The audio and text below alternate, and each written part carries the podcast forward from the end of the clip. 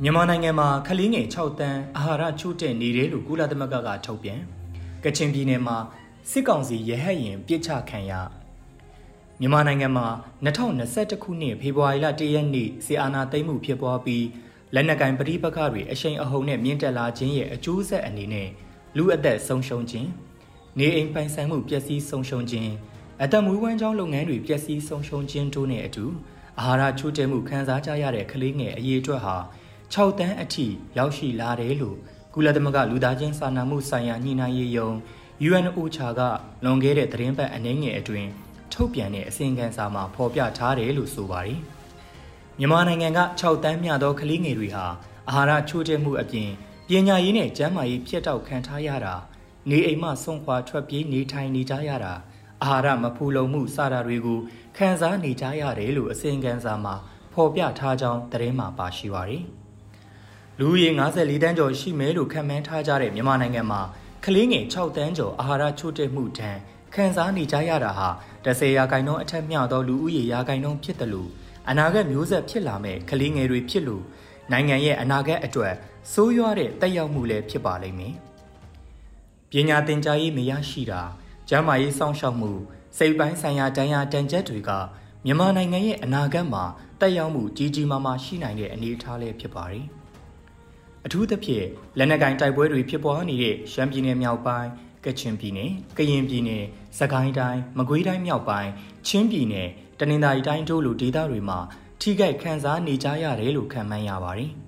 ။လက်နက်ကင်ပဋိပက္ခရှေးကြလာတာနဲ့အမျှအကျိုးသက်ရောက်မှုတွေကနောက်ထပ်10စုနှစ်တစ်ခုနှစ်ခုကြော်ကြာတည်အထိခံစားကြရမယ့်အလားအလာလေးရှိနေတာဖြစ်ပါတယ်။နိုင်ငံတကာကလက်နက်ကင်ပဋိပက္ခပြင်းထန်ကြာရှည်စွာဖြစ်ပွားနေတဲ့နိုင်ငံတွေက ကလေးငယ်တွေရဲ့ပုံရိပ်တွေကိုတည်င်းတွေထဲတွေ့မြင်ကြရတဲ့အသွင်မျိုးမြန်မာနိုင်ငံမှာလည်းတွေ့မြင်လာရနိုင်ခြေရှိနေတာဖြစ်ပါတယ်။ငကိုအနေထားအရစားနပ်ရိက္ခာမရှားပါတော့လဲစစ်မှတ်ဖြစ်ပွားတာကြောင့်စိုက်ပျိုးလုပ်ကိုင်နိုင်ခြင်းမရှိတာတင်းစည်းယူဆောင်ခံကြရတာဖြက်စီးခံကြရတာကြောင့်ရိက္ခာမလုံလောက်မှုနဲ့မလုံခြုံတဲ့ဘဝတွေမှာကြီးပြင်းကြရတဲ့ကလေးငယ်တွေရဲ့အနာဂတ်က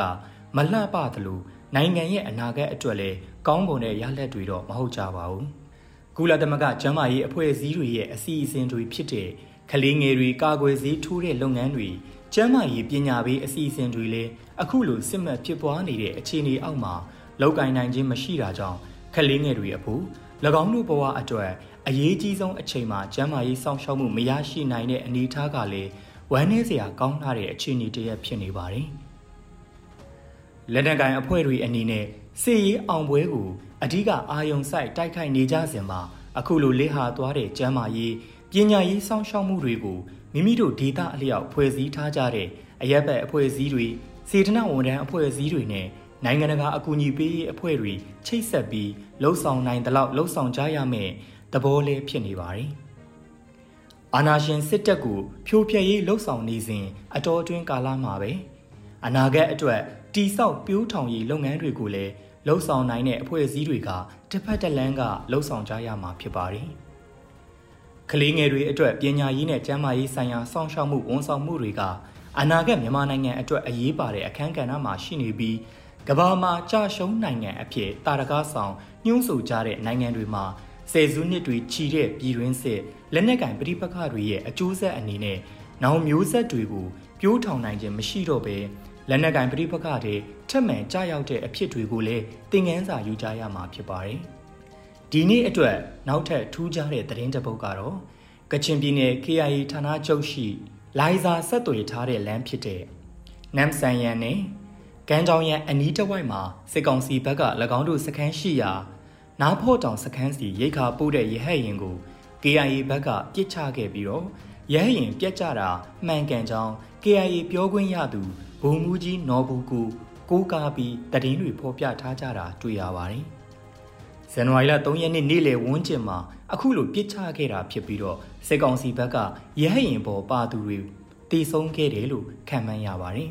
။စစ်ကောင်စီအနေနဲ့မြေပြင်မှာနေမီစိုးမိုးနိုင်စွမ်းတိတိတတ်တာကြာဆင်းလာနေတာကြောင့်လေကြောင်းတိုက်ခိုက်မှုနဲ့လေကြောင်းကတဆင့်ရိတ်ခါစစ်အင်အားအကူအညီတွေပို့ဆောင်နေကြရတာလည်းဖြစ်ပါတယ်။တိုင်းသားလက်နက်ကိုင်အဖွဲ့တွေစီမှာ လေကြောင်းရန်ကာကွယ်ရေးလက်နက်ဤပညာစတာတွေအားနေပြီးအချို့ဒေသတွေမှာမရှိသလောက်အနေထားလဲဖြစ်လို့စေကောင်စီကလေကြောင်းတိုက်ခိုက်မှုနဲ့တိုင်းသားလက်နက်ကန်အဖွဲ့တွေတင်ယူထားတဲ့နေမီဒေသတွေကောင်းမွန်စွာထိမ့်ချုပ်ကုတ်ကဲခြင်းမပြုနိုင်အောင်ကြိုးစားနေတာလည်းဖြစ်ပါတယ်။ပြီးခဲ့တဲ့နှစ်နှစ်တာအတွင်းအာနာသိန်းစစ်ကောင်စီအနေနဲ့လေကြောင်းအုံပြုမှုကိုအစများစွာတိုးမြင့်အုံပြုခဲ့တာကြောင့် လေကြောင်းရန်ကြောင့်ပျက်စီးသေဆုံးရတဲ့အရေးအတွက်ကတရှိန်တိုးမြင့်တက်လာနေတာလည်းဖြစ်ပါတယ်။အခုလိုစစ်ကောင်စီဘက်ကရဟတ်ရင်သို့မဟုတ်စစ်လီရင်ကိုပြစ်ချနိုင်တဲ့အနေအထားကမကြာခဏမဟုတ်ပေမဲ့လေကုန်ခဲ့တဲ့နှစ်အတွင်းနှစ်ကြိမ်မကရှိခဲ့တာဖြစ်ပြီးတော့2024ခုနှစ်အစမှာတော့အခုဖြစ်ရက်ကပထမဆုံးဖြစ်ရက်လည်းဖြစ်ပါတယ်။ မြန်မာပြည်တပြည်လုံးဟာပြည်တွင်းစစ်မီးအောက်ထဲကိုရောက်နေတယ်လို့ဆိုနိုင်ပြီးအနာဂတ်ကိုတီးဆောက်မဲ့မျိုးဆက်သစ်ကလေးငယ်များအားလုံးကိုစီမှာပြည်တွင်းစစ်မီးရဲ့ဒဏ်ရာကတရားပါဖြစ်သွားပြီလို့ဆိုရင်မှားမယ်မထင်ပါသူတို့အားလုံး၏ကျမ်းမာရေးပညာရေးနဲ့ဉာဏ်ရည်ဉာဏ်သွေးဆိုင်ရာလုံခြုံမှုအကာအကွယ်ရှိမှုအာမခံချက်နဲ့ဖွံ့ဖြိုးတိုးတက်ရေးအခွင့်အလမ်းတွေလမ်းစားတွေအားလုံးဟာစစ်မီးကိုတွေစစ်မုံတိုင်းအောက်တွေမှာအချိန်နဲ့အမျှနောက်ကျကြံ့ရစ်နေပြီဆိုတာ ຫນွေဦးတော်လည်းခေါင်းဆောင်သူတွေအားလုံးတတိရှိရှိသုံးသက်ပြင်ဆင်နေဖို့အထက်ထက်တိုက်တွန်းလိုက်ရပါတယ်ခင်ဗျာ။